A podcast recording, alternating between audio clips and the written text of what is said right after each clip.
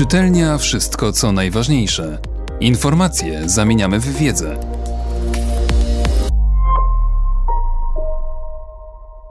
Profesor Aleksander Surdej.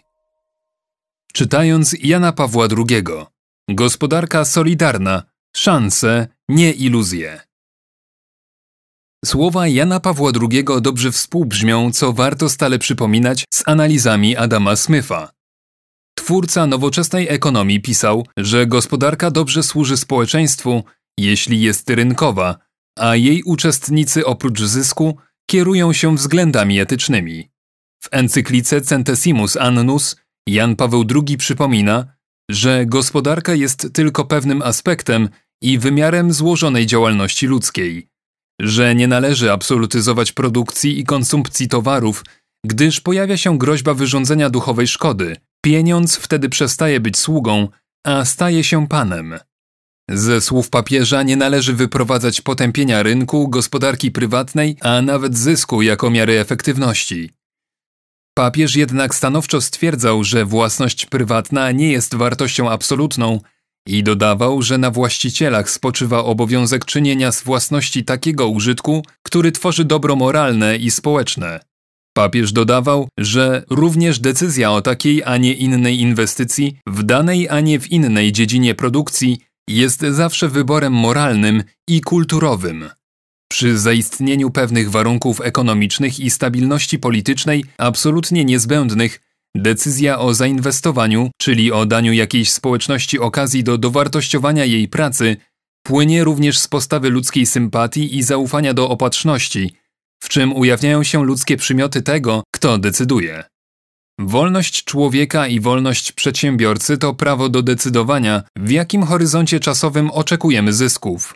Biznes spekulanta przypomina kasyno, w którym codziennie rodzą się zarówno bankructwo, jak i losowe fortuny. Przedsiębiorca wiąże się ze społecznością, która tym bardziej ubogaca, im silniej i dłużej z nią jest związany. Sukces gospodarki lokalnej i zamożność ludzi to często sukces konkretnych, znanych wszystkim z imienia i nazwiska przedsiębiorców, którzy w ten sposób pozostawiają trwały ślad swojego ziemskiego bytowania. Społeczne nauczanie Kościoła i solidarnościowo zorientowana gospodarka bywa prezentowane jako opcja preferencyjna na rzecz ubogich i odczytywane jako zalecenie rozbudowywania transferów socjalnych, jako nakaz ograniczającej rynek i prywatną działalność gospodarczą rozbudowy gospodarczej państwa. Czyżby więc paradoksalnie idea gospodarki solidarnej miała się stać zachętą do budowania zetatyzowanej, jeśli nie wprost socjalistycznej, gospodarki marnotrawstwa i demoralizacji pracownika? Nie, jeśli ideę tę dobrze się rozumie. Nie jako ideę zrównania poziomu życia wszystkich ze wszystkimi, ale jako ideę tworzenia lepszych warunków życia w celu umocnienia godności i rozwoju uzdolnień twórczych każdej poszczególnej osoby. Solidarność a rynek. Słowa Jana Pawła II dobrze współbrzmią, co warto stale przypominać z analizami Adama Smitha.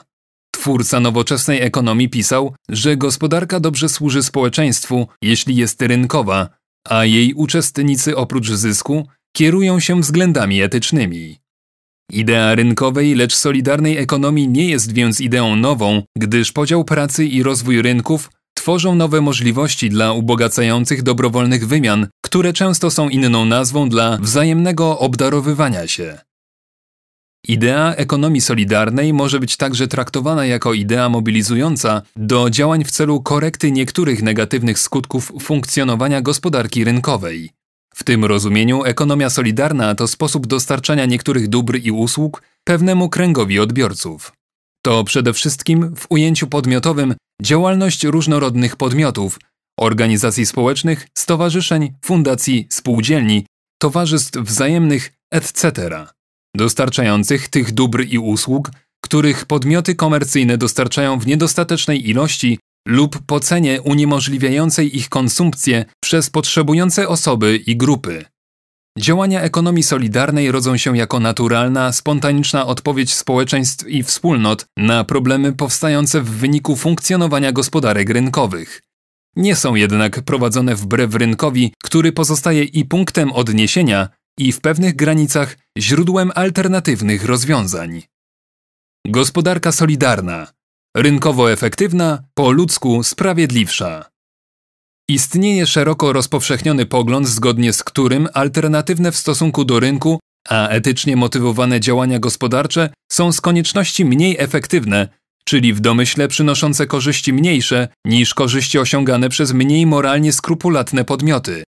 Według tego poglądu podmioty gospodarki solidarnej skazane są na porażkę w rynkowej rywalizacji lub na, co najwyżej, zajmowanie porzuconych przez innych niż rynkowych. Czy tak jest? Brak jest rozstrzygających wyników badań empirycznych. Czy tak być musi? W żadnym razie. Spróbuję pokazać to na przykładzie funkcjonowania sektora usług. Współczesne gospodarki są w coraz większym stopniu gospodarkami usług, te zaś mają bardzo zróżnicowany charakter. Z pewnym uproszczeniem usługi podzielić można na usługi personalne, czyli usługi służące zaspokajaniu potrzeb osobistych, usługi biznesowe, czyli usługi będące nakładem w procesie produkcji, i usługi socjalne, czyli usługi związane z opieką nad innymi, dziećmi, osobami niepełnosprawnymi czy starymi.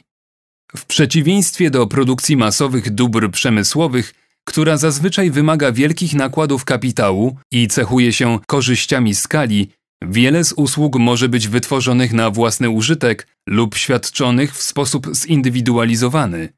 Zindywidualizowane usługi nie tanieją wraz ze wzrostem ilości obsługiwanych w sieci odbiorców zbudowanej na więziach etnicznych lub wspólnotowych. W tym obszarze przedsięwzięcia lokalne, przedsięwzięcia małej skali są i mogą być konkurencyjne.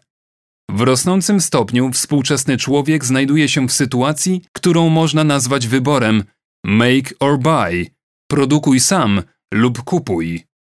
Gotuj dla przyjaciół lub zaproś ich do restauracji, zadbaj o ogród sam lub wynajmij ogrodnika. Są to wybory, w których samoobsługa nie musi prowadzić do pogorszenia jakości usług. W przypadku wielu usług trudno jest wcześniej wskazać, jakie czynności powinny zostać podjęte. Trudno dokonać pełnej specyfikacji cech usługi przed momentem świadczenia. Jakość usług jest w pewnym stopniu cechą relacyjną, cechą zależną od przebiegu interakcji pomiędzy świadczącym a użytkownikiem usługi, nauczycielem a uczniem, opiekunem a wychowankiem, czy też lekarzem a pacjentem. W przypadku usług relacja cena-jakość nie musi być niekorzystna dla podmiotów ekonomii solidarnej. I tak w przypadku usług socjalnych wrażliwość i emocjonalne ciepło osób opiekujących się ludźmi w potrzebie, dziećmi, chorymi, osobami w podeszłym wieku z nawiązką rekompensuje organizacyjną sprawność przedsiębiorstw rynkowych. Tam, gdzie ważne są osobiste przymioty świadczących usługi, a nie tylko ich profesjonalna sprawność, podmioty ekonomii solidarnej nie są na pozycji straconej, gdyby nawet miały konkurować z najlepiej zorganizowanymi podmiotami rynkowymi. Solidarni obywatele w pomocniczym państwie. Pewne cechy podmiotów ekonomii solidarnej są dobrze widoczne na tle cech podmiotów prywatno-rynkowych. Jednakże dynamika ekonomii solidarnej zależy także od zakresu funkcji państwa oraz sposobów ich wypełniania. Niekiedy impulsem do rozwoju gospodarki solidarnej jest niedofinansowanie pewnych usług przez państwo, na skutek czego poszerza się przestrzeń dla rozwoju ekonomii solidarnej oraz dla aktywności sektora pozarządowego. Gdyby jednak tak działo się zawsze, to obecność państwa byłaby wrogiem ekonomii solidarnej. Rozwój ekonomii solidarnej, jak i rozwój gospodarczy w ogóle zależy od sprawnego i dobrze skonstruowanego państwa. Państwo może wspierać gospodarkę solidarną w jej różnorodnych formach, gdy na przykład zamawia usługi u takich podmiotów zamiast rozbudowywać jednostki administracyjne. Administracja publiczna pełni wtedy funkcję płatnika oraz nadzorcy jakości świadczonych usług. Ta druga funkcja jest niezbędna dla ograniczania pędu do zysku uświadczących usługi, bowiem jeśli cena usługi finansowanej przez administrację jest niepowiązana z jej jakością, to dostawca usługi może zwiększać swój zysk poprzez pogarszanie jakości świadczonej usługi. Przed tym strzec musi nadzór państwa. Wielkim wyzwaniem dla ekonomii solidarnej są zachodzące zmiany kulturowe, które powodują zmiany dominującego modelu rodziny i sposobu realizacji jej ekonomicznej funkcji. W wielu krajach świata nastąpił rozpad rodziny wielopokoleniowej, a w konsekwencji nastąpiło osłabienie roli gospodarstwa domowego jako jednostki produkcji i konsumpcji usług. Słabnięcie więzi rodzinnych jest zarówno skutkiem, jak i warunkiem rosnącej przestrzennej mobilności ludzi. Rodzi to problemy z opieką nad ludźmi starymi, często rodzicami mobilnych pracowników. Nie zawsze jest możliwa rodzinna opieka nad starszymi. Odpowiedzią może być zakup komercyjnych usług opieki, opieka świadczona przez jednostki specjalnej administracji państwowej lub opieka świadczona na warunkach niekomercyjnych przez podmioty ekonomii solidarnej. Przewidując konieczność finansowania rosnących wydatków na opiekę nad ludźmi starymi, niektóre państwa członkowskie Unii Europejskiej wprowadziły składkę przeznaczoną na ten cel. Środki te mogą zostać użyte zarówno w celu rozbudowy publicznych zakładów opiekuńczych, jak i w celu dofinansowania kosztów opieki świadczonej przez podmioty ekonomii solidarnej.